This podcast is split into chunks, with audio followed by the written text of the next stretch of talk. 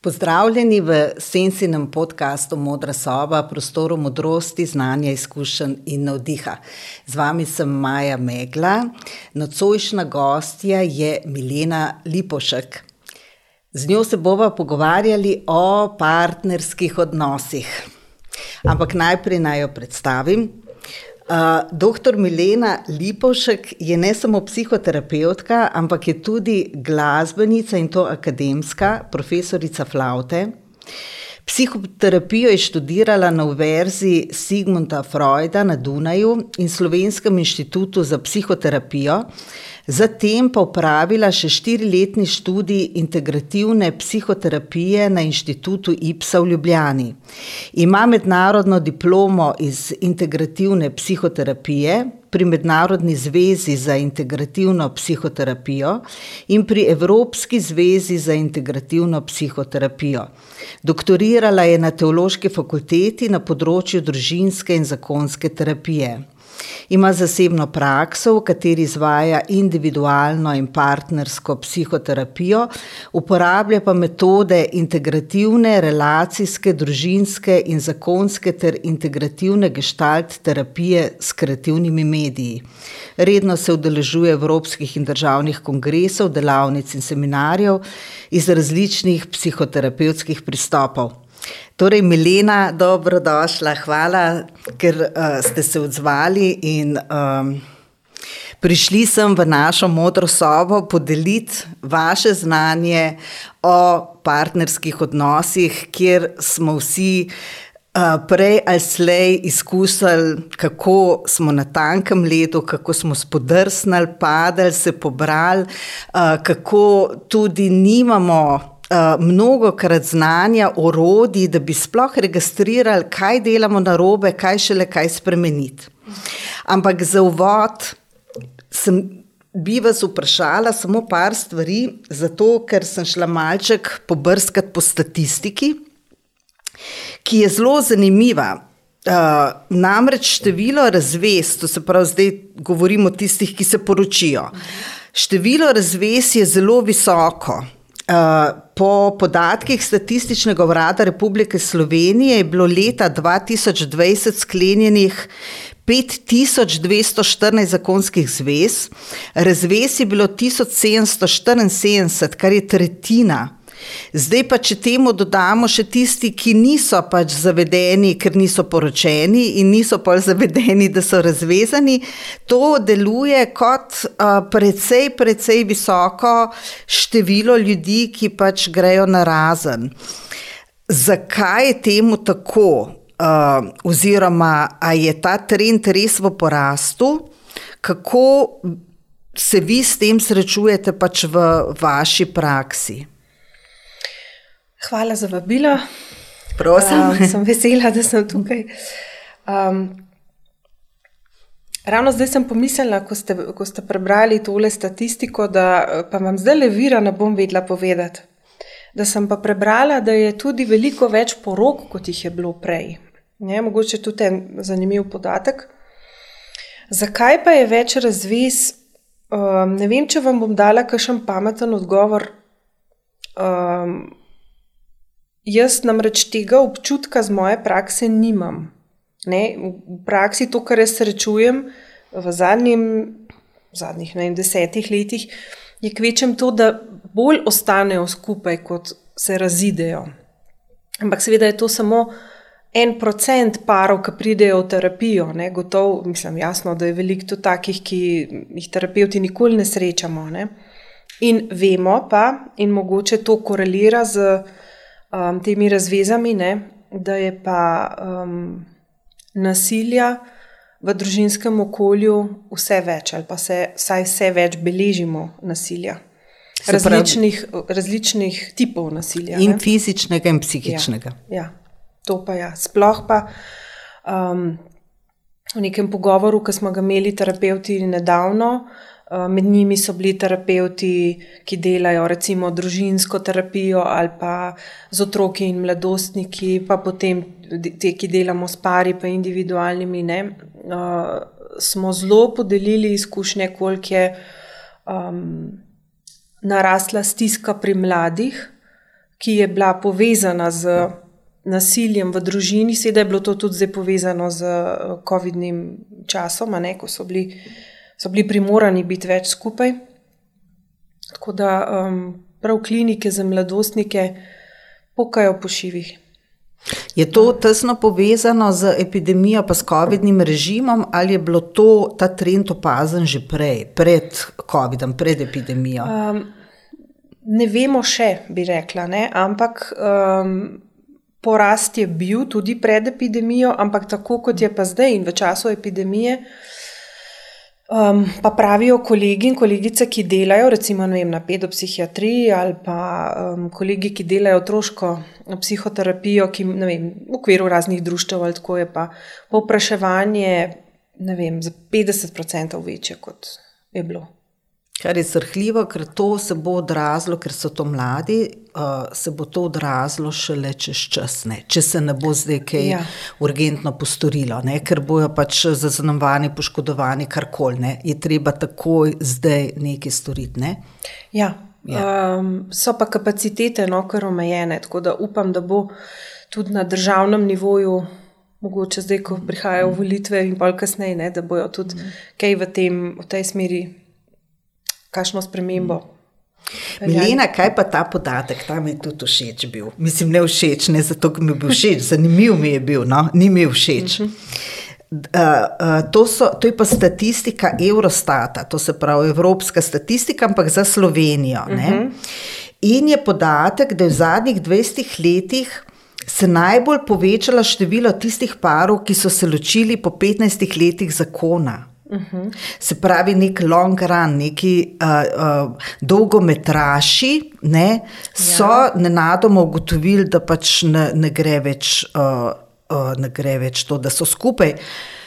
Kako to, mislim, kako bi vi to pojasnili? Um, tako da, um, a ne, ko mine to obdobje temu se rečem, rajsko obdobje vsakega odnosa, ne nekih prvih parih let, dveh, treh. Pa na to obdobje, ko imamo otroke, ko so mehni, pa je fokus potem vem, na otrokih ali pa na vem, um, doseganju nekih pozicij v službah, napredovanjih, mogoče gradnji hiš, kupovanju stanovanja. In v 15-20 letih, običajno, zelo generalizirano govorim, ne, otroci odrastejo in odidejo. In če par v tem času ni dovolj investiral v odnos, ostane tam med štirimi stenami tujca. In ker so zdaj ženske po večini tudi neodvisne ali pa lahko poskrbijo zase, so zaposlene, um, opažam, da se največkrat za takšno ločitev v takšnem settingu odločajo ženske. In odhajajo iz nekega odnosa, ki jih utesnjuje, ker se počutijo, um, tako ne vem, mogoče malo na nivoju neke skrbnice, ki je skrbela prej za družino, za moža, ampak so pa tako ne, emocionalno, odnosno, precej nenahranjene. Pa zadošene, verjetno, ne ja. tako pač čisto osebnostno. Ja. In ženske pogosto krat grejo potem v kakšno novo izobraževanje, tipa ne vem, tretje univerze ali pa um, pol se lotijo kašnih hobijev, nečesa, česar prej niso mogle, ker so bile tako preobremenjene. Um, grejo nekako v svobodo, ne? tako, tako jaz to vidim pri takih parih. Predno, bova, predno prideva na težave naše. Uh, samo malček, če lahko osvetljiva, kje so v bistvu viri ali pa izvori problemov. Ker uh, naše vedenje, obnašanje, vsakodnevno ali pa v, v medčloveških odnosih in naše obrambe, to se pravi, kako mi reagiramo takrat, ko smo ogroženi, negotovi in tako naprej. To dvoje, ta dva parametra se vzpostavlja v človeku, ko je otrok v tej neki primarni družini. In s temi navajenostmi potem živimo dalje in jih mnogo krat sploh ne zaznamo.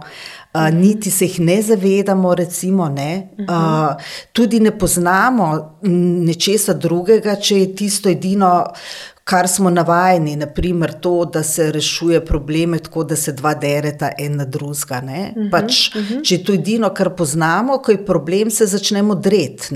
Uh, nimamo pač nekih mehanizmov, kako naj stvari rešujemo. Ampak lahko malček bolj osvetlite to, kako se ti neki psihološki naši programi uh -huh. uh, zgradijo, ko smo mi otroci. Ja, mogoče tako malo za hec, pa ne tako zelo za hec. Ne? Freud je, je enkrat izjavil, da ima človek samo dva problema v življenju in to sta njegova oče in mama. Sej to je. Ne, Ni čisto tako, ampak v veliki meri pa zelo drži. Um, res je, ne, veliko mehanizmov um, ljudje dobimo v odnosu s prvim skrbnikom ali pa z obema, ne, pač v okolju, v katerem odraščaš in te zaznamuje za celo življenje. Um,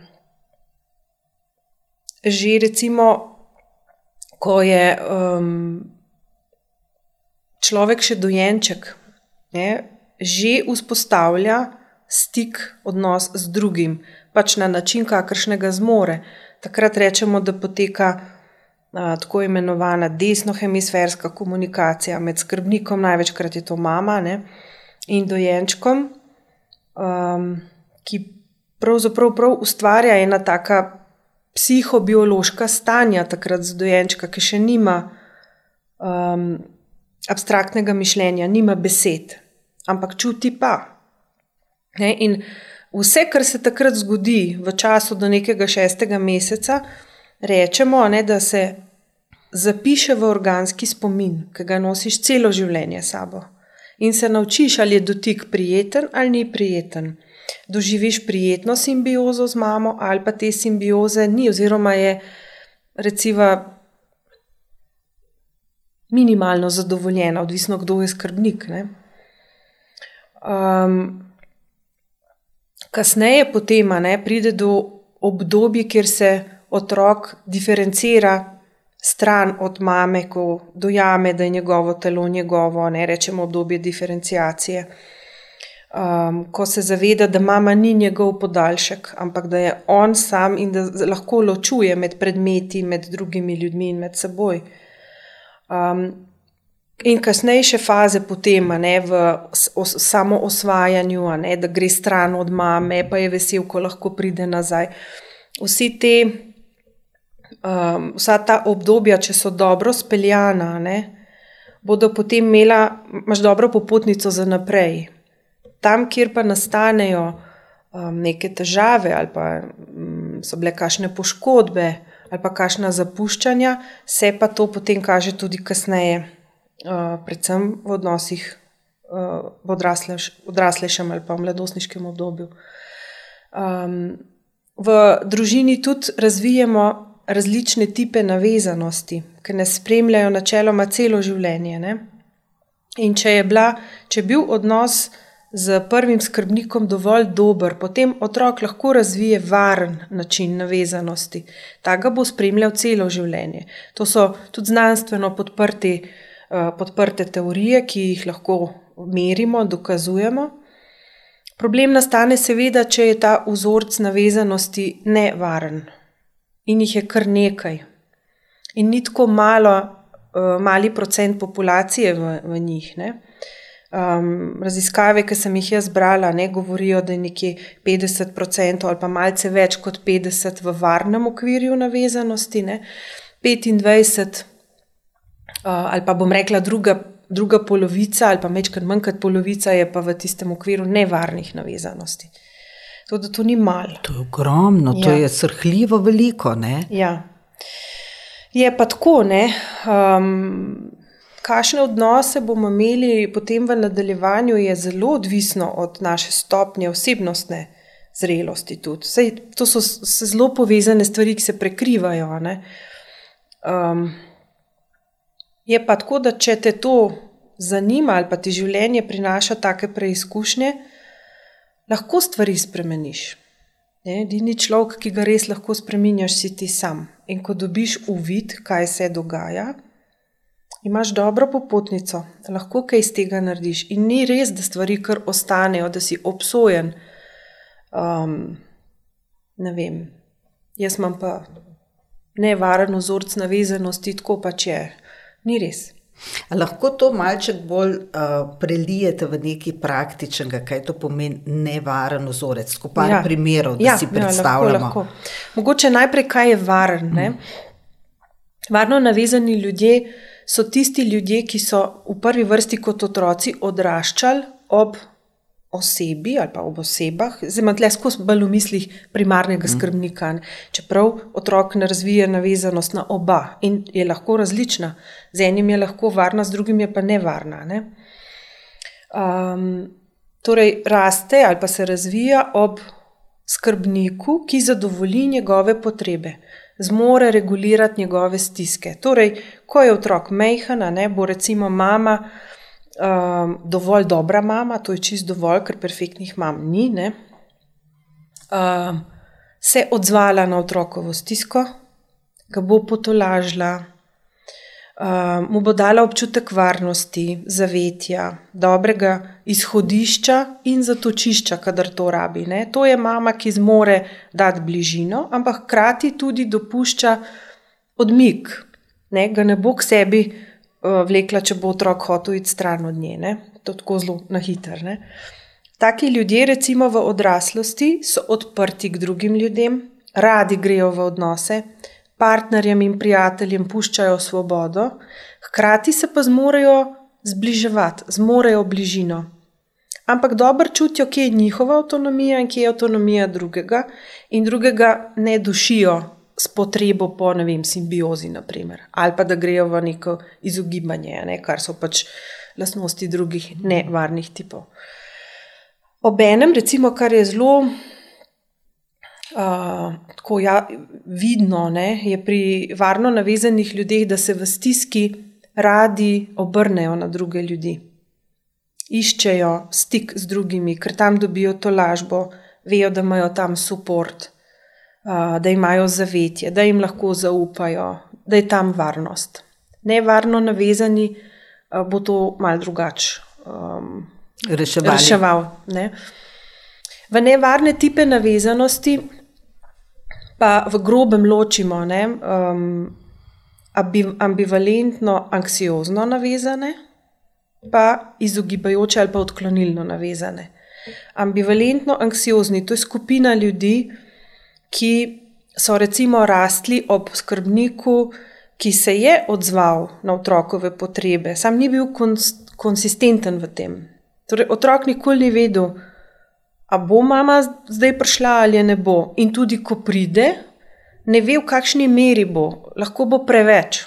Ne, recimo, lahko je ta vampirska mama, ki ga kar poje ali pa kdaj je pa kar ni, pa kar pa je pa se eno čudga, če malo joka, ne, ne zazna, um, da ima stisko, ne zmore primerno regulirati. In taki ljudje so dosti krat. Um, Se zatikajo tako romantiziranje partnerske zveze, um, pogosto iščejo simbiozo, dušijo, ne, partnerji na drugi strani imajo občutek, da jih dušijo. Veliko bi se pogovarjalo o čustvih, razreševali stvari, ne. blazno jih je strah, da jih bo partner zapustil ali pa da bo počel za njihovim hrbtom, pa ne bojo vedeli, ne, da jih bo izdal. Skratka, zelo naporno doživljajo um, partnerske odnose in odnose nasploh. Imajo tudi relativno malo zelo bližnjih odnosov, ker jih je vse čas strah tveganja, ki jih odnos prinese. Ne? In to je, da boš lahko v bližnjem odnosu zelo poškodovan, zelo ranjen. A so Milena to te ljudje, ki imajo potrebo po nadzoru tudi? Tudi. tudi. To so lahko tem tako imenovani kontrol freak. In če tako malo generaliziram, v tem um, bazenu je največ žensk, to je bolj značilno za ženske, ne?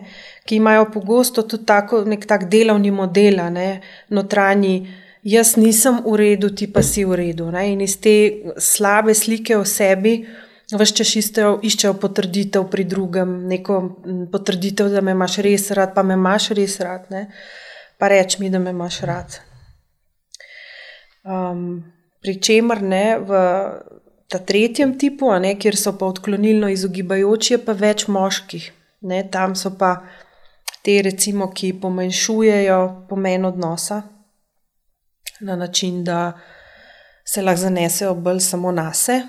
Tega so se seveda nekje naučili. Ne. Največkrat je to uh, pri ljudeh, se ne samo moški, se so tudi ženske, ampak večno moških. Um, je to pri ljudeh, katerih starši ali pa skrbnik bližnji je zanemarjal njegove potrebe, ga tudi ni bilo doma, naprimer. ali pa temu ni posvečal pozornosti, ali pa je dajal um, informacije, da moraš biti dovolj močen, da, da lahko to boš pa že, ali pa nekaj jokati, kaj jokaš. Um, tak otrok se nauči, da je sam, da se ne more zanesti na, na mamo, In da tudi najbolj ti gre, če si sam, ker sam sebe pa ne moreš, mislim, se pač ne izdaš, samo zase dobro poskrbiš. To so recimo pogosto ljudje, ki se zatekajo k cinizmu, k hecu, lahko recimo celo družbo držijo po koncu, ker so blazno zabavni, ampak nikoli pa ne, ne pridejo v neko tako emocionalno povezanost. Tudi ne grejo radi v partnerske zveze, tako so bolj na recimo, nekih seksualnih srečanjih. Ne, to jih recimo, lahko jim da celo lažen občutek, da je to partnerska veza, zato ker je uh, močno libidalna. Recimo. Ampak, ko libido zgine, se tudi zveza konča, ne, jih pri tem noč ne drži in so lahko zelo velikrat menjajo, uh, nimajo tega komitmenta. Um, za prisege -hmm. ali ne, zvest, ne, ne zvestobe, to je drugo. Ne, ja. se posvet, se res eh, obveže, da Obvežeš, se zaveže, tako, zaveže, te, zaveze. Zaveze, zaveze, tako, ja. zaveze. Ja, to, to je to. Um, veliko krat v tem um, stilu navezanosti um, je še en tak pojav, ki je dosti zanimiv um, in sicer sindrom Petra Pana tako ga ameriška literatura imenuje. V psihoanalitični ima pa to um, za me boljši naziv, ne, pa tako puer eternus, večni mladenič. Vse so tudi večne mladenke, ne, puele eternus. Uh, ampak to je bil en pojav v 70-ih letih prejšnjega stoletja, ki so ga opazovali ameriški terapeuti pri mladih moških. In ko so iskali razlago, zakaj je do tega prišlo, ne, so nekako izpeljali, da je po obdobju avtoritarne vzgoje, ki je bila recimo v začetku 20. stoletja, okrog druge svetovne vojne, pa pred njo, ne, ko je bil moški glava družine in je bila tudi tako precej trda patriarhalna vzgoja. Kot reakcija na to je potem prišla zelo permisivna vzgoja. Ker se je otroku pa vse dovolilo, ne, pa meje so bile precej prepustne ali pa celo zelo zabrisane, in v takih okoljih so rasli um, mladi fanti, predvsem, ker do punc so bila še vedno drugačna pričakovanja, ne? še niso se čist osvobodili tega patriarhalizma, do neke mere se ga tudi danes nismo. Um, Ker je za vse odgovornosti, ki bi jih mlad moški imel, poskrbela kar mama ali pa pač družina. In to so bili fanti, ki so bili lahko v službi po svojih poklicih zelo uspešni, pa tudi zelo zanimivi ljudje lahko. To so ponovadi fanti, ki imajo tako, ali pa moški s tako deško energijo in so zelo privlačni, um, ker jih tudi zanimajo take mladostniške stvari, tudi tako energijo nosijo v sebi. To je lahko 60 let star moški, naprimer, ki, je, ki surfa, ki ima športen avto, ki se obleče v, v zdaj tako malo karikiram, ne? ampak nisem prav daleč. Ne, ne, v, usne in si kupi motor. Tako, ja. um, no, ampak to so recimo moški, ki se zapletejo predvsem v težave, ko grejo v partnerski odnos. Zato, ker v partnerskem odnosu, ne spet po rajskem obdobju, ki je.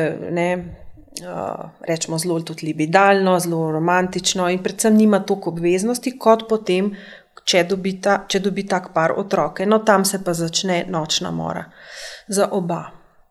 Ker tak moški iz odnosa iz, od, išče izhode, ne? ker mu je odgovornost in obremenitev, ki jo prinaša družinsko življenje, zelo naporna.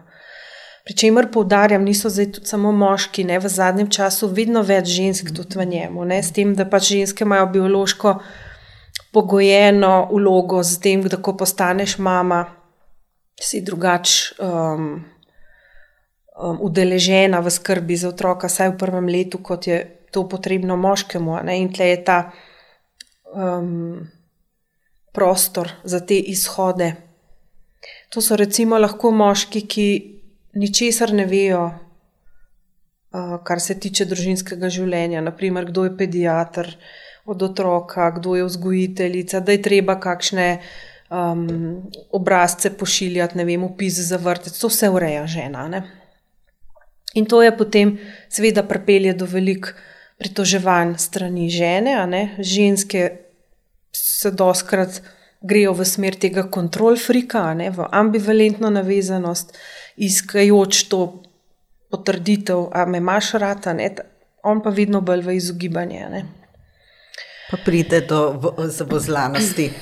Ja. Milena, jaz sem malček odbrala um, par takih kako bi rekla, prepričanj ali pa vrednot, ne, ki jih um, vzpostavimo tekom življenja, pa to ni nujno, da je to lih iz primarne družine, lahko ne vem, v mladosti pod otisom nekih filmov ali pa nekih trendov, ne, uh, ali pa pač že od nekod, ampak. Vzpostavimo neka prepričanja, kaj, kaj, kaj, kaj naj bi, kakšen naj bi odnos bil, ali pa kaj je bistveno ali pa podlaga.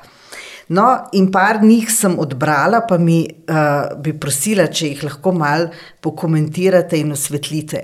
Recimo, prvi ta, midva se nikoli ne prepirava. To pomeni, par želi poudariti, da živi v harmoniji, da se razume, uh, da.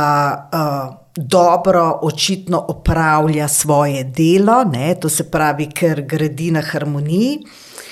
V bistvu uh, pa, pa ni tako, no, in bi rada, da to malček osvetlite, zakaj je težava v tem, da nekdo s takim pritiskom živi ta imperativ harmonije.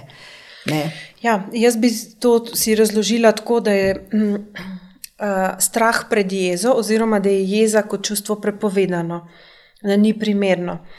Um, ljudje se tudi bojijo konfrontacije, in ko nekdo reče: Jaz pa nisem nikoli jezen, ali pa jaz se s partnerjem nikoli ne skregam, je to za terapeuta vedno rdeči alarm. Ne? Tako kot recimo, če kakšen starš reče: vem, Naš otrok je pa tako priden, da še vemo, ne, kar sam raste, sploh ne vemo, da ga imamo, to je brez težav. Tudi to je rdeči alarm, ne? ker mi vemo, da biti priden pomeni biti po meri drugega, kar pomeni, da za avtentičnim delom jaza ti nekam moraš iti in je prikrit. In tudi v takem paru, ki bo rekel, mi dva se nikoli ne kregava, bi se vprašala, kako pa potem s frustracijami, ki v paru, kjer je vedno potrebno dogovarjanje in uglaševanje na drugega, in je potrebno se dogovarjati za stvari, kam greš s svojim avtentičnim jazom, kot ti ni prav. Ko bi recimo eno hribe, drug na morje, ali pa ko bi karkoli imate različne potrebe, različne ja, želje. Ja, ali pa recimo zelo se zaplet, zatika pri vzgoju otrok, naprimer, kam greš s tem?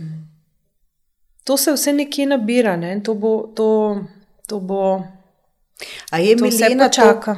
To, recimo pogostejše morda za kakšne soodvisne odnose, ne? to se pravi, kjer, je, kjer se potem eden od partnerjev, ker so to soodvisni odnosi, podredi drugemu in pač postori, se prilagodi, postori uh, stvari, ki so ljube partnerju, ne? nekako zaduši sebe, da se na, na stranski tudi, tir.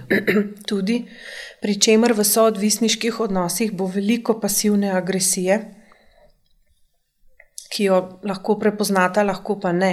Ampak pasivna agresija, če ni ozaveščena ali pa če ni izgovorjena ali pa da ji ne daš nikoli prosto pot, bo imela zelo razdiralne uh, posledice.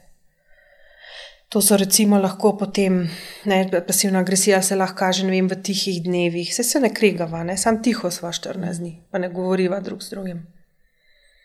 In ko recimo tak par pride v terapijo in ko jih nekako v terapiji drugače govorijo, kot ko so doma, ne, imajo bazen za mer za 25 let nazaj. Ko si takrat, pa takrat, pa te ni bilo, ko so bili otroci mehni, tako veliko neizgovorjenega. Lahko že prav prezir in sovraštvo. In to se nabira in nabira, in nabira. se kopiči, ne? tudi to je ja. seveda ja. težava. Ja. Uh, druga, drug primer ne, je ta, ta je tudi zanimiv. Uh, mi, dva, mi dva pa vse skupaj delava. Ali pa recimo uh, v, skupaj sva 15 let, pa še niti dneva nisva bila narazen. Ne. To poudarjanje te popolne zlitosti. Ja. No, zakaj je to tako škodljivo in še zdaleč ni tako romantično uh, zgled nekega dobrega odnosa? Zato, ker je avtonomija v tem primeru tako zelo ogrožujoča. Ne? Ker če bi pa kdo šel po svoje, ne? jaz dam doskrat um, en tak mini test, ki je zelo enostaven, ampak. Um, ta testek je, mislim, da tudi. Um, ja, mislim, da je čist lepo um, preverjen in ga tudi uporabljajo, lahko čisto pravi uh, diagnost, prav pri diagnosticiranju, je validiran. Ne. Tam so narisani različni, uh, različne kombinacije krogcev. Vsak krogec predstavlja enega od partnerjev, A in B.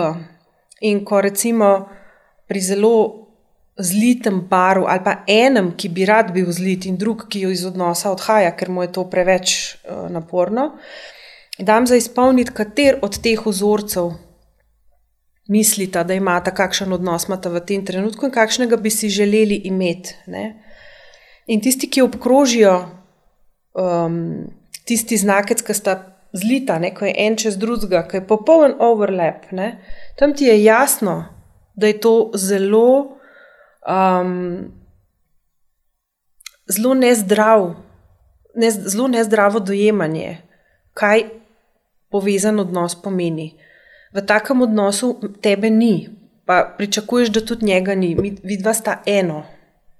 To je simbioza. Ne? In če sta oba takšna, pa ne bo težav, pa je super. Ampak če pa eden ni, drugi bi pa rad to, bojo pa zelo velike težave.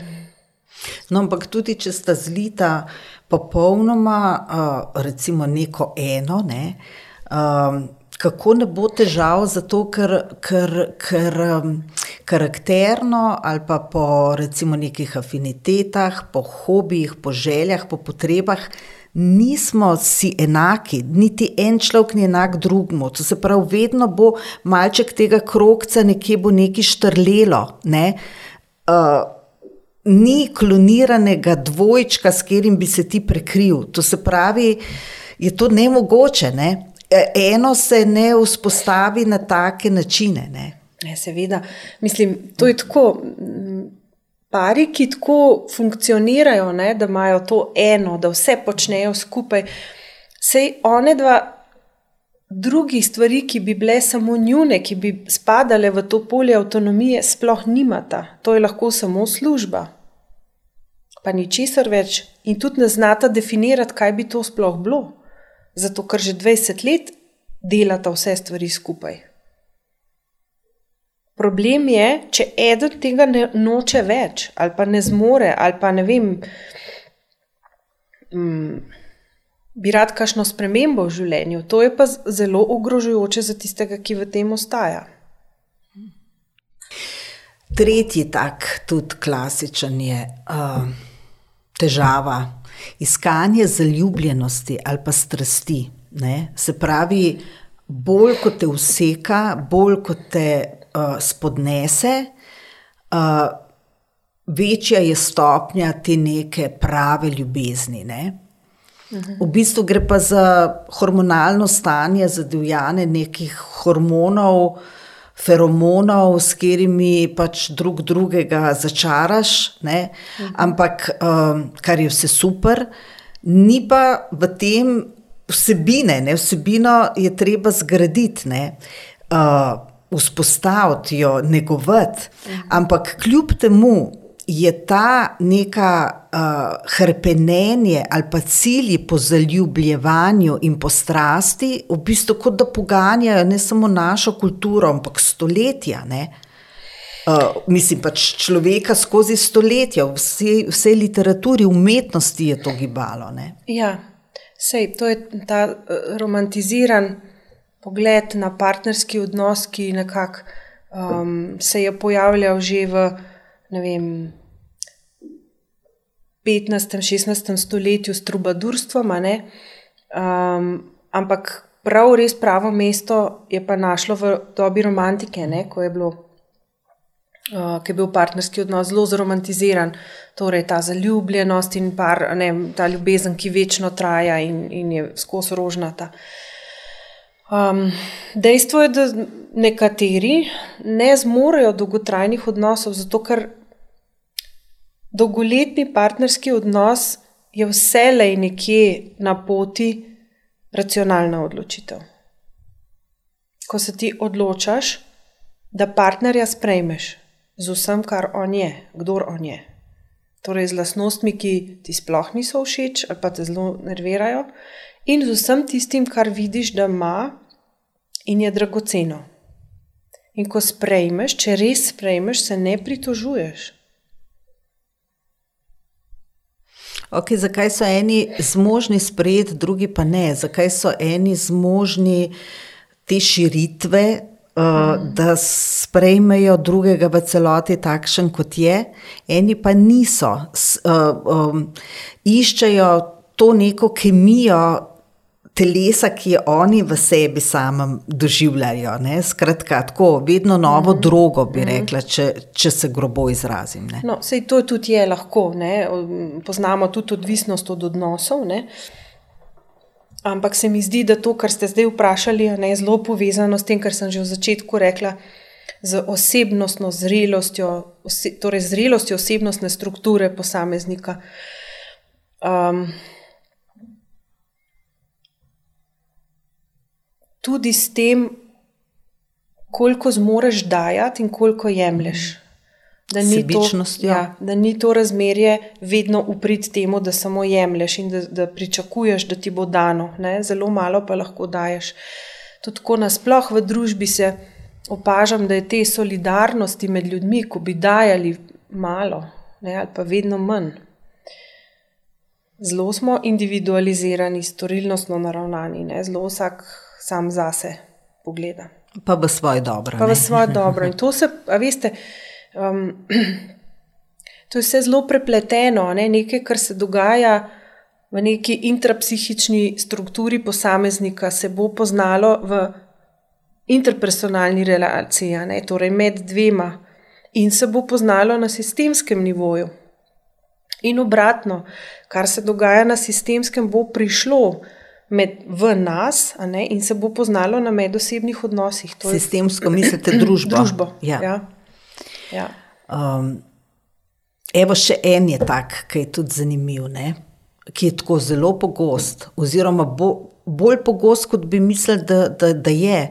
Moja ljubezen ga bo spremenila ali pa jo bo spremenila. Ne? Se pravi, neka naravnanost, ki je zelo izrazita pri vseh potem odvisnostih, mm. ko pač uh, imajo opravka z odvisniki. Ne?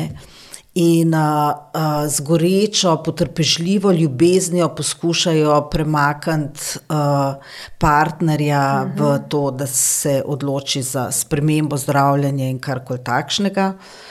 Ali pa je enostavno lahko recimo nekdo uh, ta večni mladenič, ne, neodgovoren, sebičen, mhm. skrbi za svoje želje in potrebe, in je tudi ta naravnanost z ljubeznijo, seveda se ga bo oblikovalo v nekega odgovornega človeka, ki bo skrbel za družino. In uh mhm. -huh. in Tega je zelo veliko. Je, ne?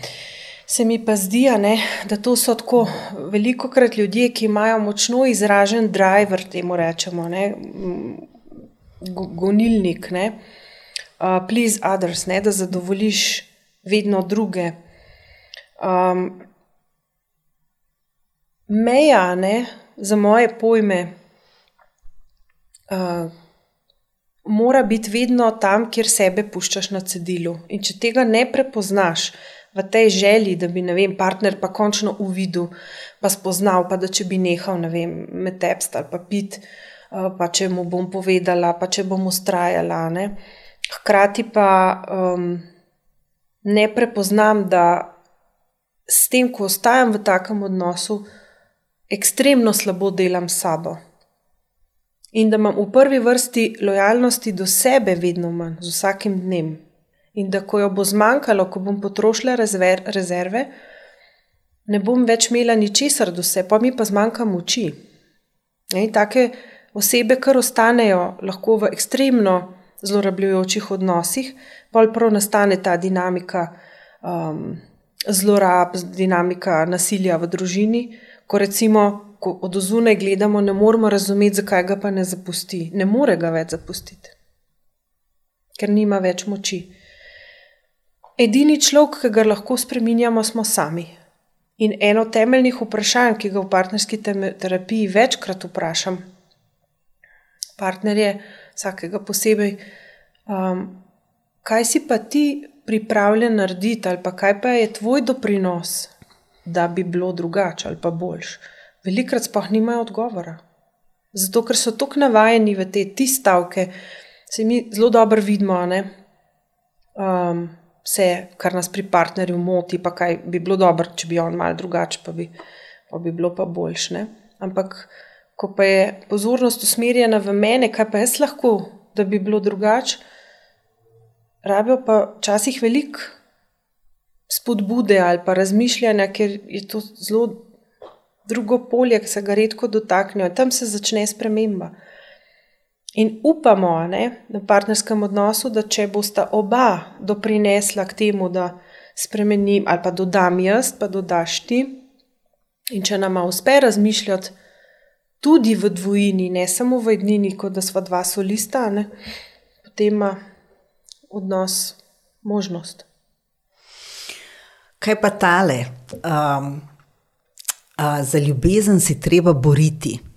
Recimo to se opazi pri um, zopet ali ženska, moški, vseeno, ampak um, sooči se z osebo, do kjer razvije izjemno naklonjenost, ta oseba je pa mlačnejša, do, ne, ni, ne razvije tolikšne naklonjenosti, in potem je to prizadevanje osvojiti to osebo, ne, mhm. se boriti za, za to neko ljubezen, ki naj bi jo ta oseba razvila, to so tudi take uh, bližnjice za uh, nek, nam reka, katastrofo, ker to je prehuda beseda, ampak uh, da bojo pač ljudje ranjeni. Ne? To se pravi ta naravnanost, da, da se za ljubezen bori. bori. Meni se zdi, ampak pač tako, to je moje mnenje, da ljubezen ali je ali je pa ni. To je zelo preprost, to sploh ni nič kompliciranega. Ali je, ali je pa ni. Nobena borba jo ne bo tako le uh, navdahnila.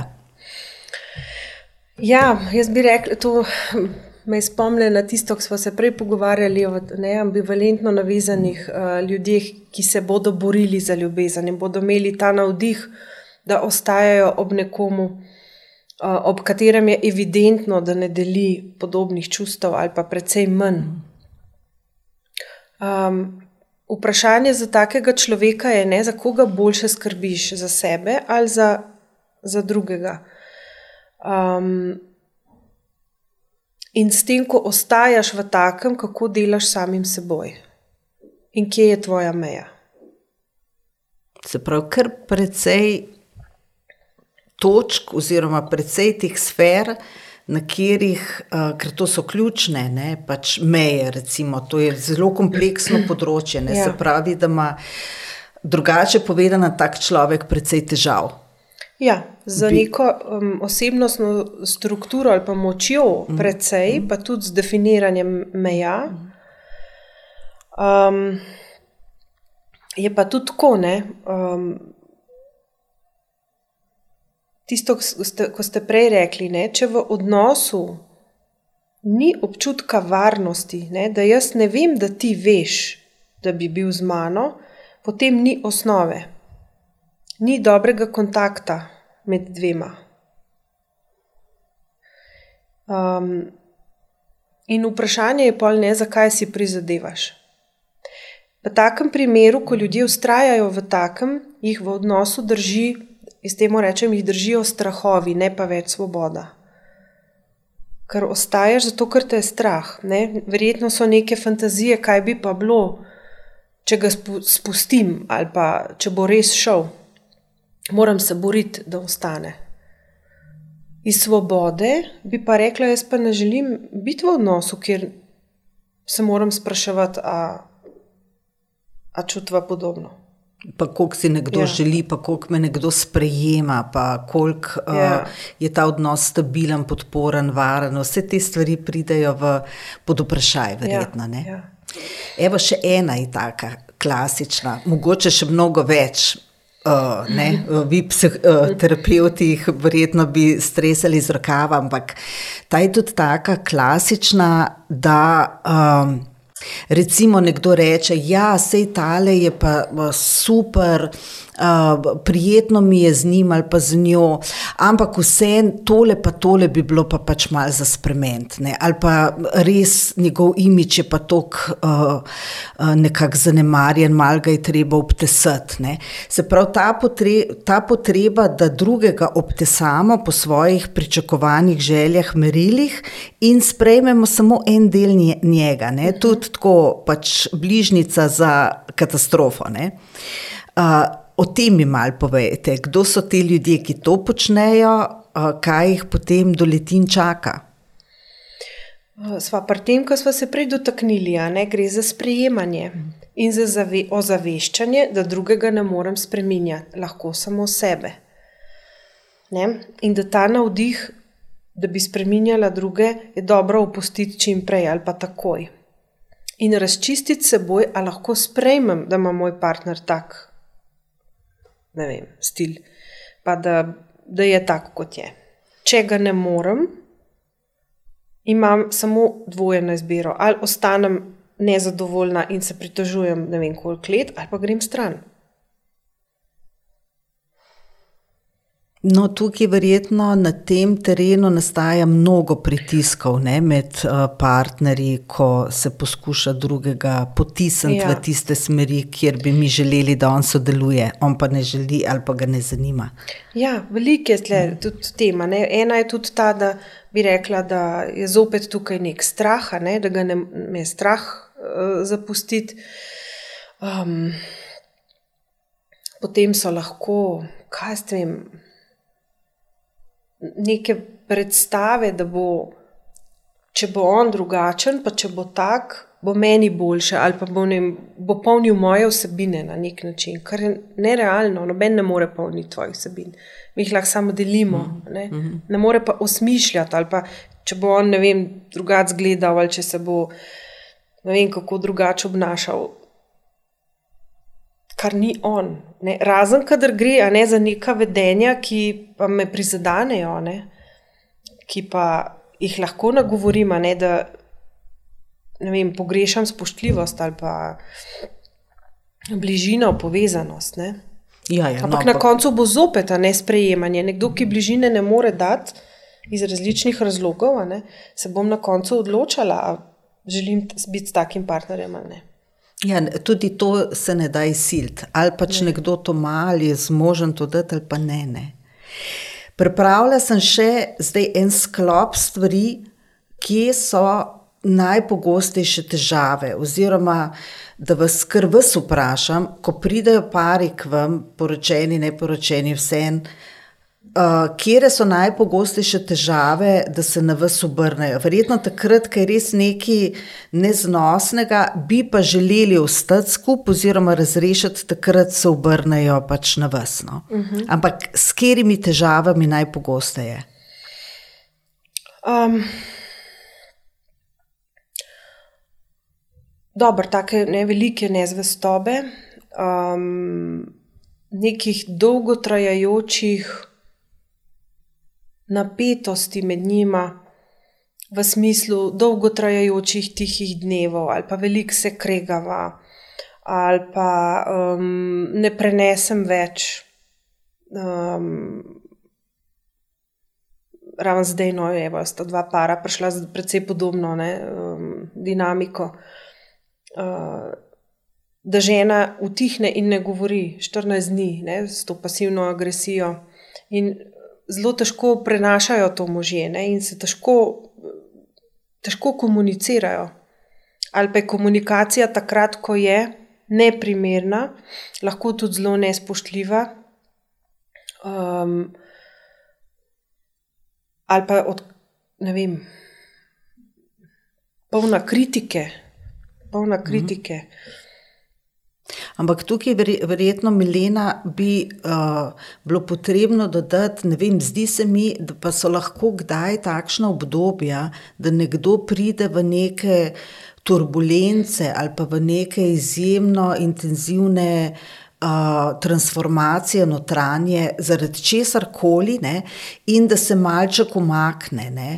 Uh, da takrat ne komunicira, da, da, da rabi neko notranjo samo za pač nek, ne to zdaj, da traja mesec, ampak za uh mhm. -huh. nek krajši čas, da si sploh pride na jasen, kaj je z njim. Ne? Mhm. Verjetno je pa to nekaj, kar pa je treba dopustiti, ne, ko grejo ljudje čez neke take stiske. Ja, seveda. Sej, načeloma še nisem srečala take težave. Ne? Mislim, da se tle ljudje kar razumejo. Ne? Da če recimo ne vem, nekomu umira starš, naprimer, ne? da je seveda v drugačnem razpoloženju kot sicer. Um, to, to se razume, ampak gre za neke stanja, ki jih težko razumeš, ne? zakaj mm. se partner tako odmika, ali pa ne govori, ali pa je tako slabo voljen, ali pa stresa, jezo in nezadovoljstvo name in na otroke, ko pride domov. Nikoli ne slišimo noč lepega, samo pritoževanje in kritiziranje. Ne? Um, se, ja, se lahko rečeš, da to izhaja iz neke njegove frustracije in nezadovoljstva, ne? ampak partner ne zmore več. Ampak ni teh težav z komunikacijo v bistvu največ, ne? da ne znamo, uh, niti ne znamo prisluhniti, niti ne znamo izreči, niti ne to, kar so potrebe, želje. Mm. Kaj šele, če so kakšna težka čustva, ki sploh ne vemo, kako povedati, da nam pa, pa kar zaruhnimo, pa ven pademo. S, mm. s mhm. temi regulacijami imamo verjetno zelo velik težav. Veliko velik ljudi se recimo zelo boji konfrontacije in se zelo boji jeze partnerja. Pogosto naslavljamo ali pa se pogovarjamo o tem, da eden od partnerjev večkrat ženske kot moški, ampak ni pa to pravilo. Recimo, um, zelo veliko deluje, to deluje, pomeni, da se vede, razmišlja, tudi čustvuje lahko. Um, iz nekega otroškega stanja, ego stanja, rečemo, ne, ne pa letom in situaciji primerno. Ali lahko primer? Ja, recimo. Uh, nekdo, ki je v otroškem ego stanju, naprimer, um, če, če mečkam samo zadje, povem mm. o tej teoriji, ker se lahko zelo uspešno aplicira na katero koli drugo področje. Super. Rada podelim uh, z vsemi, ki pridejo v terapijo, veliko reče, da jim zelo pomaga. Ne? Eh, so terapeuti tudi v prejšnjem stoletju še ne opazili, da se ljudje v terapiji um, vedejo iz dveh stanj, pogosto. Ne? Včasih so imeli občutek, da na stolu nasproti njih sedi res odrasla oseba, ki govori, se vede, čustvuje, razmišlja kot odrasla oseba, včasih pa ta ista oseba deluje, kot da bi bil otrok. Torej, zelo pretirano čustvuje ali pa neprimerno čustvuje neprimerno situaciji in svojim letom, pa tudi vede se neprimerno eh, letom in situaciji. In so razvili teorijo, ki so jo pol tudi um, uspešno potrdili, in iz tega je nastala teorija ego-stan, ki govori o tem, da imamo ljudje tri takšna stanja, iz katerih uh, delujemo. In to so tako, boste kdaj videli, ne tri krokci, ki to um, ponazarjajo. En ponazarja ego stanje starša, v sredini ego stanje odraslega in spodaj ego stanje otroka. V ego stanju starša so shranjena vsa sporočila, vse, kar smo kdajkoli videli, začutili ob stiku z drugimi odraslimi, ki smo jih videli kot avtoriteto. V prvi vrsti, seveda, starša, ampak ne samo one dva, tudi kakšne pomembni družinski člani, vzgojitelji, učitelji, družba nasploh, odrasli nasploh. Um, tam so. Tam je vsa vsebina, kjer se moralizira, kjer je etika, kjer se kritizira. Recimo, kadar človek govori v stavkih, ti vedno ali pa ti nikoli, ti itak, ti bi morala ja vedeti, veš, da govori iz ego stanja starša, ker takrat ve, ti pa ne veš. Ali pa kritizira. Ne? Kadar je človek v ego stanju starša, pri drugem neizogibno kliče v interakcijo otroka. V otroku so pa shranjene vse vsebine, ki si jih doživljal kot otrok, pa ni bilo nujno, da so jih odrasli verbalizirali, večina je neverbalnih, to je lahko bil pogled, ali pa kar vedel si, kaj je prav, pa kaj ni narobe, pa noben nikoli ni izgovoril. Ne? In teh vrst otrok, otroških stanj je več. eno je recimo prilagojen otrok, eno je uporniški otrok, eno je kreativen, svoboden. Ne? Vse te dele, rečemo, nosimo v sebi. In recimo nekdo, ki ponori vem, na parkirišču, ker mu je nekdo glih pred nosom zaparkiral njegovo parkirno mesto in začne razbijati in kričati, je v uporniškem otroku. Ker to je recimo otrok, ki iz jezera strga roke in noge igrači, pa jo vrže na pomisel, da je jutri nima več, ne? ker ne predvidi, to je lastno otrokom. Ne? Ali pa nekdo, ki ne močno joka ob neki situaciji uh, in pozabi te občutke ali pa zavedanje, da je v bistvu odrasla oseba. Se ti odločaš, kako bo, ne? ampak kar zgubi moč, da bi se primerno odzval. Ne? In v terapiji si želimo čim bolj krepiti ta odrasli del nas. Ne? To pa je del, kjer razmišljaš, čustvuješ, se vedeš kot odrasla oseba, s svojim letom primerno in se tudi primerno na situacijo odzoveš. In to spodbujamo, ali pa tudi ne, naslavljamo v partnerski terapiji, takrat, ko vidim, da recimo eden od partnerjev pogosto deluje iz ego stanja otroka oziroma iz starša. Nekdo, ki ima pričakovanja, ne, se bi pa ja morala vedeti, ali pa to so lahko tudi take bolj fine, ali pa bolj rečemo prikrite transakcije. Ne, če smo se že velikokrat skregali, ne vem, da je razmetan, pol niti ne rečem, zakaj nisi pospravljala, ti bi pa ja morala vedeti, ampak rečem, ta soba je pa razmetana. Zelo neutralno. Ne? Seveda, psihološka puščica leti na ti nisi, ne že spet. In človek, če se tega ne zaveda, se tako tudi odzove. In se začne kregati, ja, pa ti cunja vzem, pa se ti nič nisem rekel. Rekl sem samo, da soba ni pospravljena, a mogoče ni res in ga težko na besedo ujameš. Ne? Ampak kaj lahko s tem naredimo, je, da poskušamo vedno, se to zdaj teorija, ne? ampak včasih tudi v praksi pomaga. Ja, seveda. Da poskušamo. Čim večkrat iti v odraslega. No, v in, tem primeru, kako bi odrasel? Uh, ja, res je razmetana. Soba. Ali pa jo pospravlja. Ja, uh, popolnoma druga, uh, kako bi rekla, energija, ja. druga, druga naravnanost. Ne? A veste, nekdo, ki gre recimo velikrat v, v tako ne, tišino, pa ne pove, ne vem, večkrat ženske. No, so vajeni tega, da, so, da morajo biti pridne in da um, jeza pri punčkah ni tako sprejeta kot pri fantih. Ne? Še vedno lažje sprejmemo, da je joka, kot pa da je jezna. Um, in recimo, kadar je kaj v partnerskem odnosu, ni prav, gre v žalost. Ampak podstat te žalosti je v resnici jeza, sam je nikoli ne izrazi in se svoje jeze tudi boji. Ampak joka, velik joka. In utihne in ne govori. In partner je potem prisiljen v branje misli. Včasih lahko prebereš, včasih pa ne, ne ali pa si misliš. Um, to je recimo tak zelo klasičen primer, kjer poskušamo, ne, um, kaj bi pa recimo v, iz odraslega dela sebe, Kaj bi odrasla samozavestna ženska pa tle rekla ali pa naredila? Kaj pa je narobe s tem, če bi rekla, um, meni pa to ni prav tako? Ne, to je pa zelo direktno reči, to je pa nesramno. A res nesramno? Preveri, če je res nesramno.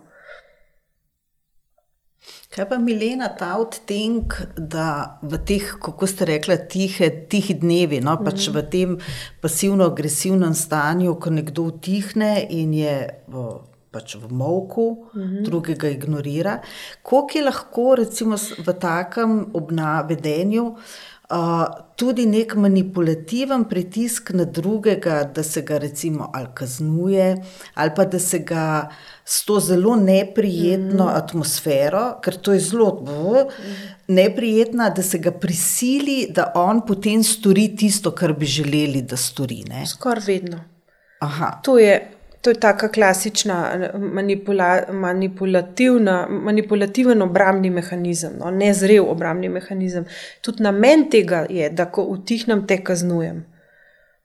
In to je recimo tudi ena najhujših kazni, ki jo lahko drugemu daš, sploh pa če je to otrok in če to dela recimo starš.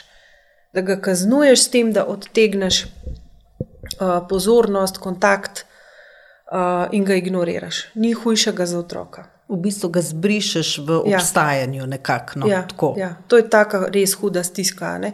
Pa tudi za odraslega je huda. Mhm.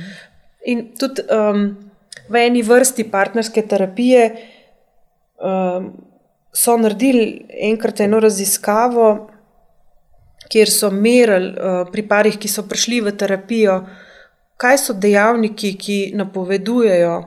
Um, slab izid partnerske zveze, torej ločitev, ne, je bil na prvem mestu tihi dnevi, tišina, mm. kritika, več kot je kritike, slabše bo, prezir. Prezir se nanaša bolj na neverbalno, mogoče tako bolj obrazno mikroexpresijo ali pa uh, pogled. Ne.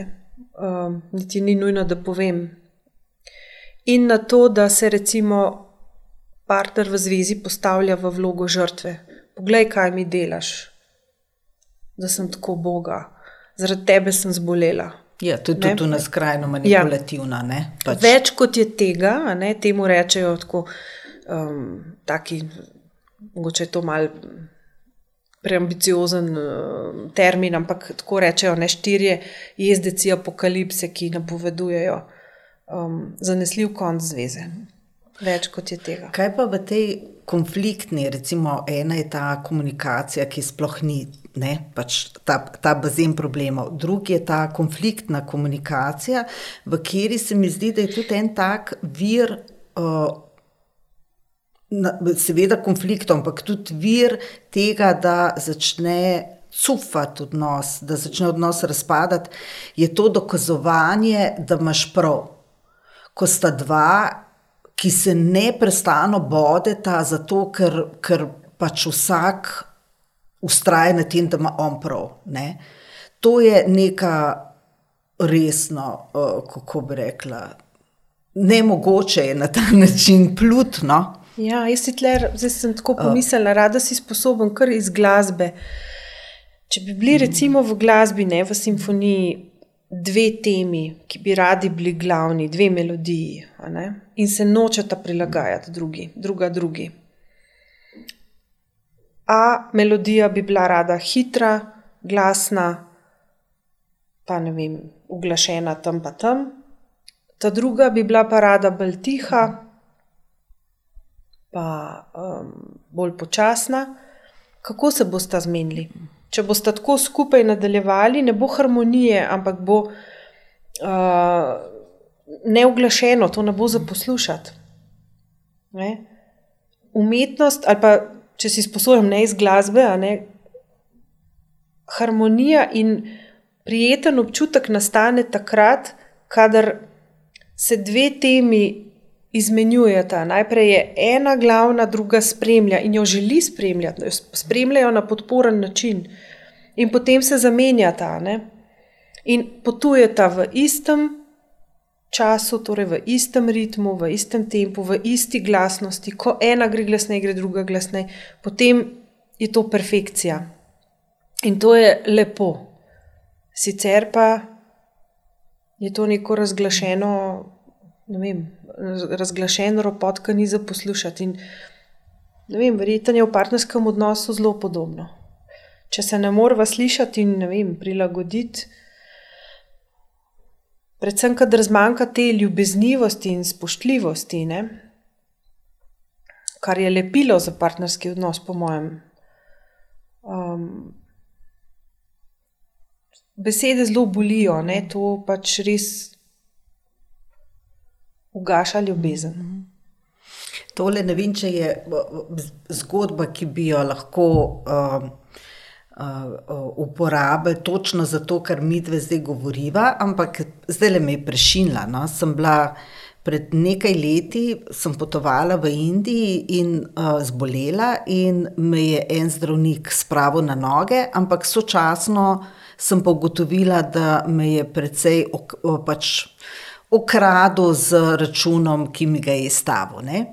No, in potem sem uh, bila pač tam v enem templu in uh, nekako začnem misliti, kaj naj naredim, ne? zato ker jaz vem, da me je ukradel. Uh, in to ne marno, vem, da me je ukradel, ampak če bom reagirala, si lahko nakopljam res veliko problemov. Ne?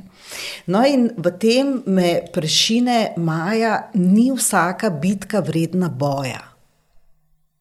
In to mi je bilo tako olajšanje, ni vsaka bitka vredna boja. In to je tudi v partnerskih odnosih. So stvari, kjer so meje in tisti je ne, pa če se na glavo postaviš. Ampak tudi v partnerstvu pa ni vse vredno boja, ne? da bomo zdaj, ne vem, šli na okope, zato ker on bi pa ali pa ona nekaj drugega naredila. Ne? Meni je bilo to popolna odrešitev, ko me je to prešine. Ni vsaka bitka vredna boja za božjo voljo. Res je, zelo lepo hm? ste to povedali. Ja, se strinjam. No, lepo. Ena lepa zgodba. Ja, res, res. Globoko spoznanje. Ne? Ja, mislim, tako, tudi mislim, da me je rešilo takrat. Ker mhm. če bi ravnala kot zahodnjakinja, recimo mm -hmm. z tem nekim, ker je objektivno je bilo to resno kriminal in zlo in tako naprej. Mm -hmm. In uh, so bile notranje dileme, seveda, ali bom zdaj dopuščala kriminal, ali bom sodelovala, mislim. Seveda, da, da ne, ne, tako in zdaj kako to narediti. Skratka, so bile te notranje dileme. Ampak, kakorkoli, greva nazaj na to zgodbo. Poleg teh v komunikaciji, da je ni ali pa da je konfliktna, je še ta tretji del, ki je pa agresija, agresivna komunikacija, ki seveda je lahko. Popolnoma fizična, ker to, da nekoga tepeš in udarjaš in pretovčeš, tudi na en način mhm. izražaš, uh, deliš nekaj, mhm. ali je pa pač uh, seveda psihično nasilje. Mhm. Ste že rekli, da je tega kar precej. To se pravi, iz katerih frustracij to nastaja in um, sploh kaj, kaj storiti, no? razen tega, da čim prej odidete. Opažam, da ljudje zelo slabo sploh razumejo, kaj je že nasilje, ne? kaj je že nasilna komunikacija. Um, jaz to razumem kot poskus nadzora nad drugim, da je pač po moji meri uh, in da je tako, kot jaz želim, ali pa pričakujem, ali pa ta občutek, da da si moja in boš delala tako, kot jaz hočem. Torej, lastnina. Po, lastnina, popoln nadzor nad osebo. Um, in ta, to čustveno izsiljevanje in uničevanje je zelo, pravzaprav, tako res senzibilizirano in ga ne ujameš zmeraj.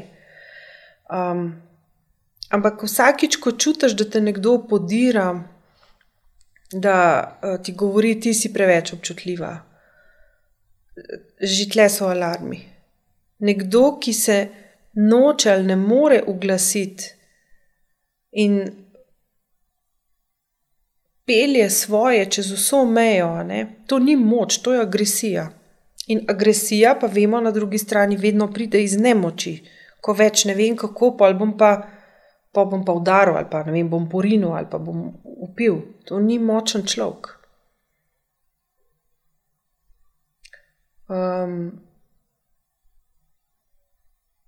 nekaj takih primerov sem že imela, ko um, je šlo tudi za hujše oblike nasilja, fizično nasilje, tudi za spolno zlorabo. Um, to so pa zelo, zelo težke stvari. Tudi včasih um, je potrebno kakšne druge službe vključevati, um, pomagati žrtvam, da sploh razumejo, um, sploh kaj se dogaja, da imajo možnost odločitve, ne, uh, da lahko drugače narediti varnostne načrte, kdaj z takimi uh, ženskami. Ampak ni pa lahko. No. To so pa zelo um, lahko in velikrat so zelo so, pač odvisniški odnosi. Ne. Pa zelo težavno, mislim, za, zapleteni za razrešiti, ne? ker ne gre samo za psihološko neko razreševanje, ampak da gre recimo oseba iz strani stazga odnosa, ste rekli, druge službe, verjetno neka varna hiša je potrebna ali pa še mogoče spremeniti okolje, spremeniti službo, prepisati otroke, ne? verjetno je to zelo, zelo zapleteno. Ja, Tle se zgodi en tak pojav zanimiv, ne? ki ga v terapiji imenujejo. Um mejna pozicija. Skoraj vedno se zgodi. No. Um, gre za to, ne, da človek, ki recimo živi v takem odnosu, ali pa ne vem, nekdo, ki je recimo rastel v družini, kjer je bil čustveno zelo nenahranjen, zelo zanemarjen čustveno, nekako je lačen um, ljubezni, pozornosti, ali pa na drugi strani varnosti, ne, če gre za nasilen odnos. In si tega želi, ali pa celo sanjari o tem. Ko pa se temu približa, ali pa se mu celo zgodi, naprimer, odnos, ki pa je ljubeč, kot pa res nekdo ima zelo rad, in si na tem, da prestopiš čez v to polje, ki si, si ga vedno želel, in stojiš na tistem robu in pokukaš čez, in ne veš, kako je, ker tam še nisi bil se obrneš in greš nazaj v tisto, kar sicer ni fajn, je pa varno. Varno je pa zato, ker je poznano. V tem kaosu se pa jaz znajdem. Podoben pojav je recimo pri zapornikih, ne, ko so v zaporu, pa lahko dve leti sanjajo, kako bodo prišli ven iz zapora in kaj se bojo, pa ali pa ko pridejo. Se tako ne znajdejo, da še za nalaž naredijo kakšno kaznivo dejanje, da se spet lahko vrnejo v zapor, ker je tam varno, ker poznajo. In to delajo tudi žrtve. Jaz sem imela enkrat eno gospodo, če sam povem, pred leti že, ki je prišla sem dvakrat. Prvič, ko je prišla, je bila tako pretepena, da je bila modra po obrazu, objokana in je jokala in mi je povedala, da je uh, delala je pač v eni službi, ki je imela um, res mehne dohodke, mož je izgubil službo in je bil hud alkoholik. In ona je s tistimi malimi dohodki družino, dva otroka sta imela, ona je preživljala družino, on je pa prišel vsak večer in razgrajal in, in jo moril in pretepil pred otroki, skratka, bil zelo tudi nasilen. No, in tisti večer, predtem, ko je prišla, je ona um, dolga leta si je želela, da bi kupila novo dnevno sobo po hištvu. In je šparala, od svoje plače je ne vem, koliko let je dajala pač nek znesek na stran, je potem, ko je zbrala, šla vsa vesela kupiti. To je bilo vse njen projekt, ne? šla je kupiti dnevno sobo, prišli so nam montirati, ne? to je bilo nekaj mehkega, ne? ampak njej je bilo lepo, ker je bilo novo. In ko je mož prišel zvečer domov in ko je videl, da je nova soba, je tako ponorel, da je celo sobo razbil, uničil vse in jo pretepel tako, da je bežala od doma. In takrat je bilo, takrat je mal začutila to, te moči, da bi pa šla od njega, da to je šlo pa čez, čist čez. Um, in ko je prišla, sva se zelo pač o tem pogovarjali, in um, tudi na CSD-ju je bila že zjutraj, in, in um, tam so jo takoj nagovorili varno hišo in prepoved približevanja možu. In, um, in takrat smo celo stopili s tisto so, socialno delovko v kontakt. Um, in, je, in je ona rekla, imam občutek, da gospa ne bo več prišla. Ne, da, to je to, ne? prišla je do meje, ko bi pa lahko stopila čez, in točno tako se je zgodilo. To mora Ni biti tudi kar precej uh, grenko ali pa jedko ali pa. Uh, za, za vse, ki ste upleteni, uh, oziroma ki imate stik s takimi ljudmi, ki, ki vidite, kako malo bi bilo potrebno, da bi stopila samo še en korak dalje, pa bi bila rešena, recimo, ali pa na začetku reševanja, pa ko človek tega ne, ne naredi, mora biti kar stiska. Ne? Pač taka, čist. Je, mislim, no. jaz, tako, jaz res verjamem, da ima človeško telo, recimo, ima ugrajen mehanizem samozdravljenja. Jaz v to res verjamem. To je naš imunski sistem. Verjamem, da ima tudi naša psiha podoben imunski sistem.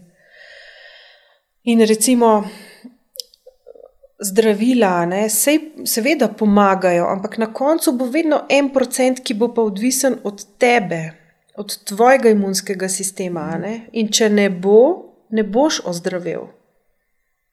In podobno je v psihoterapiji. Ne. Mi lahko, ne vem, odpremo vrata ali pokažemo, lahko smo sopotniki na tej težki poti, ampak motivacija pa mora biti tako močna, da to lahko. Hmm človek sam, ker noben ne more na mesto tebe. In ko tega zmanjka, jaz to mogoče take korelacije delam ne, z imunskim sistemom, ko tega zmanjka, ti nobena kemoterapija več ne pomaga. Nič ti ne pomaga. No, uh, dobro, da, da, da ni tega toliko, uh, recimo v mhm. družbi ali pa v odnosih, mislim, je, ampak da ni tega toliko. Uh, Vseeno pa imamo manjše težave. Recimo, ena od teh je neodgovornost. Ne? Par, od katerih je eden od, v, v paru zelo neodgovoren. To je lahko, ne vem, in do denarja, do, do vseh mej, recimo, ne zamuja, na, na njega se ne da zanest, um, reče, da bo prišel, pa zamuja uro, dve, tri. Um, tako, živeti s takim v odnosu je. Um, zelo negotovo, ne? ni tega občutka, se ne da bi morali biti v ne vem kakšni varnosti, ampak tako, da človek ve, s čim ima upravka, ne? v katerih parametrih se suka čez dan. Tako da uh, vse, ki poznam, da so bili ali pa smo bili, mogoče sem bila tudi ne vem, v takih, ne, nisem bila točno v takem, no. ampak tiste, ki poznam, da so bili, so pa kar venel, dobesedno venel v odnosu, ki je bil tako uh, pač negotov. Ne. Uh, se tudi vi srečujete s takimi? Vse. Pač? Vse. In hudo je, kadar sta oba taka, imata pa otroke. Recimo. Ne, en tak par imam. Um, se zavedate, recimo, tega, da imate popolnoma kaotično reševanje ali pa dogovarjanje? Vse. To je bil tudi razlog, da ste se odločili za terapijo. Ne? Ker namreč um, sploh pari v terapijo pridejo relativno pozno, včasih prepozno. Uh, vidim, da se zelo težko odločajo za terapijo, lažje pridejo v individualno kot v partnersko. In že to, da par pride v terapijo, je dober indikator. Ne? Prepoznali so, da ni dobro in si želijo pomagati, ali pa želijo reševati, ali pa saj eden želi reševati, drugi pa mogoče še ne ve, ali pa je mogoče že odločen, da ne bo več. Ne? Um,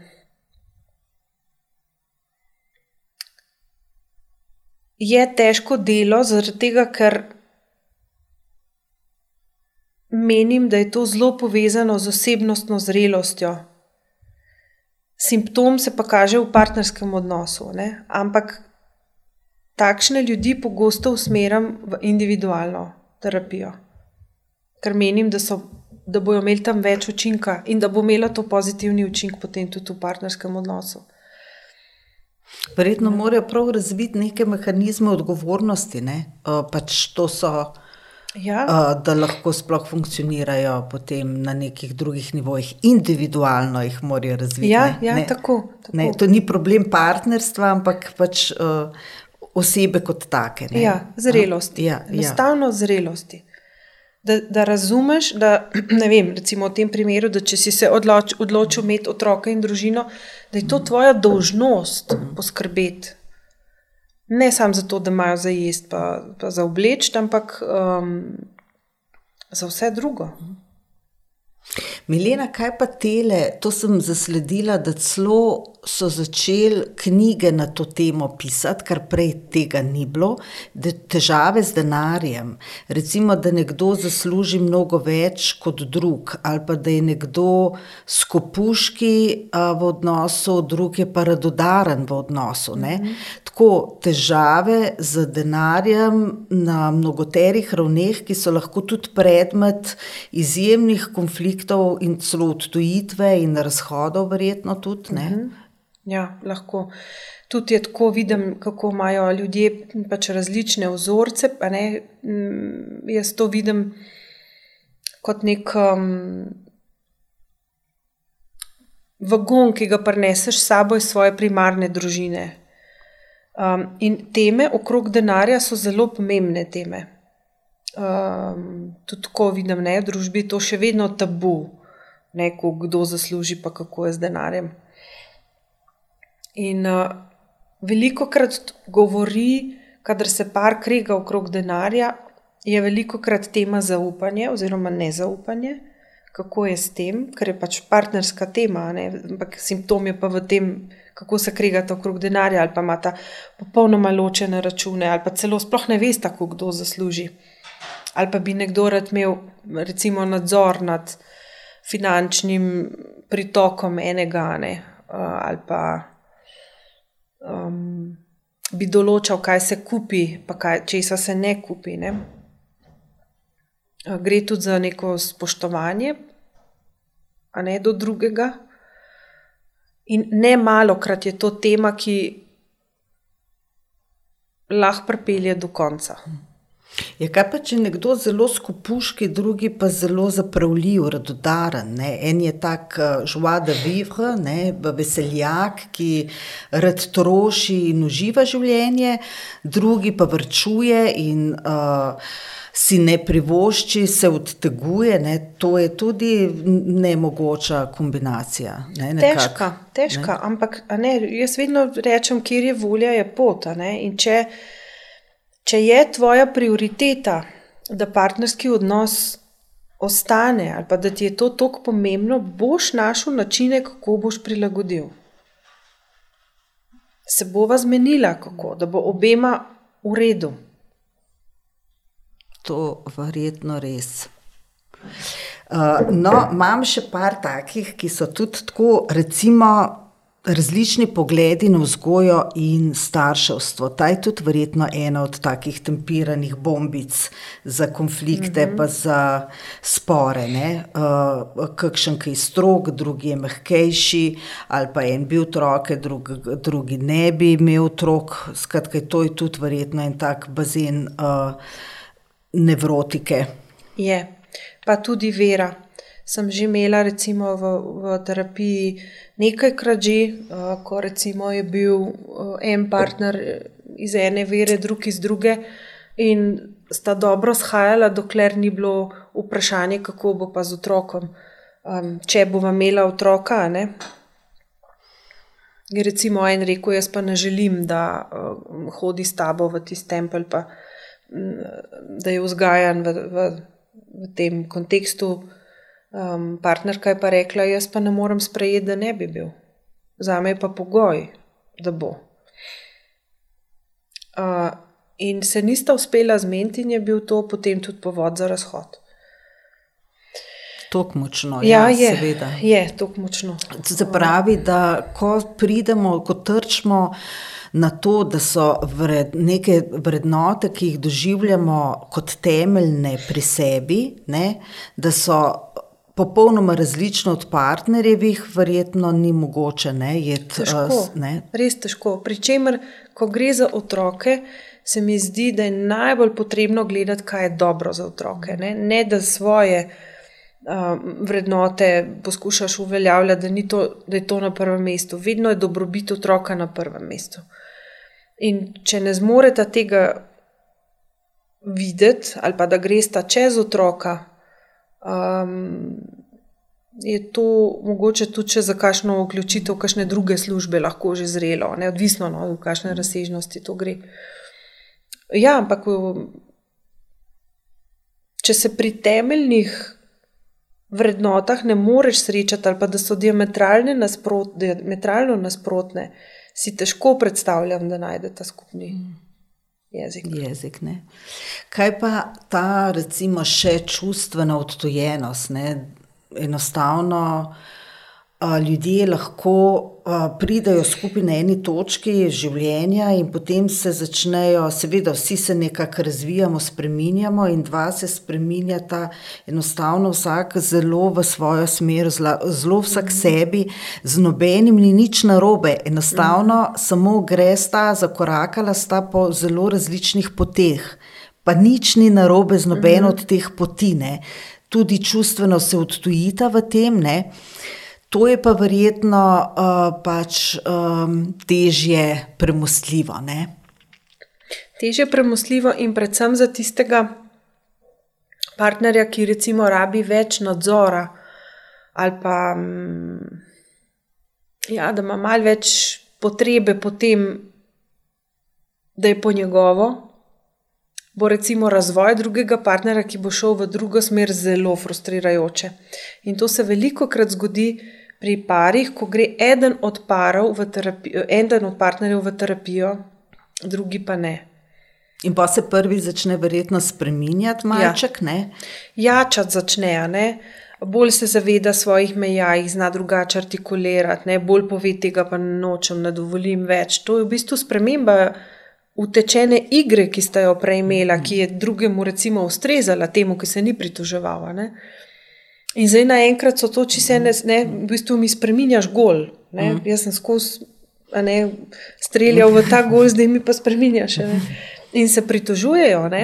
Um, so lahko tudi zelo grobi, ne? kaj pa tam na terapiji um, se pogovarjaš, ali pa ne, perejo možgane, tako nekako rečejo. Ne? Uh, to je recimo za terapeuta dober znak. Ne? To pomeni, da jača, ne? Hm. tvoj klient, ki je v terapiji, jača. Ni pa to vedno dobro za partnerstvo. In to vedno, res brez izjeme, kadar je partnerska tema. Kadar nekdo pride sam v terapijo, bodi si, ker partner noče priti, ali pa ker ga ta ne želi, da pride, ker želi imeti prostor samo zase, to vedno povem. Da do tega lahko pride, zelo verjetno je, da bo prišlo. In je to lahko potem nekako uh, prehod v to, da se uh, raz, recimo, razdvojita ali se pa močneje povežeta, ker to potegne še drugega partnerja, da se pridruži, ja. pa gre on lahko tudi skozi svoje vzorce, pa jo tako mm. na mhm. koncu nekako malček bolj, zopet bolj poveže, združi in nadgradita odnos. Ne? Ja, se mi zdi, da ko.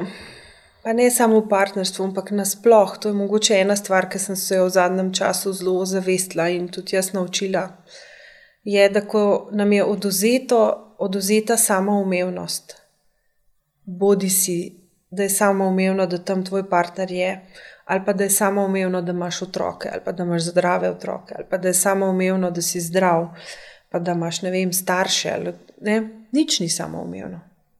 Ko vzameš ljudem samoumevnost, se stvari zelo spremenijo. In tudi v partnerskem odnosu,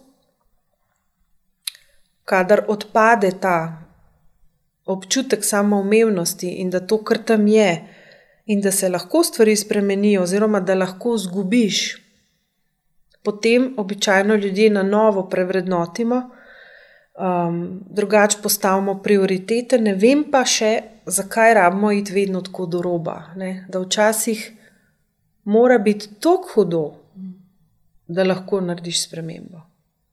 Da jo ne narediš prej, ampak šele, ko je dovolj hudo. Kje pa je ta meja, je pa pri vsakmu druge. Ne?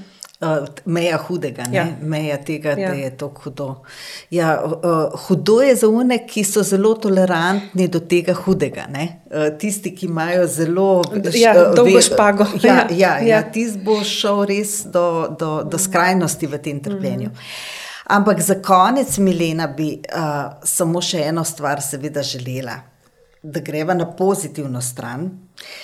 Kaj pa je po vašem mnenju tisto, kar je temelj res nekega kakovostnega odnosa?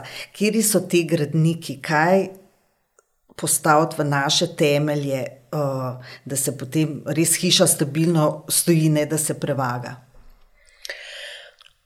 Vse se bo slišalo klišejsko, ne? Saj vse. Ampak jaz res verjamem v to. V prvi vrsti ljubezen do sebe. A to lahko tako razumemo, da če sem jaz dobro, zares dobro, uh -huh. potem tudi lahko veliko dam. Če sem jaz slabo, ne morem dajati, ker nimam kaj, Tako. ker pač, ali pa tisto, kar imam, je eno smetišče. Recimo. Tako je, tako je.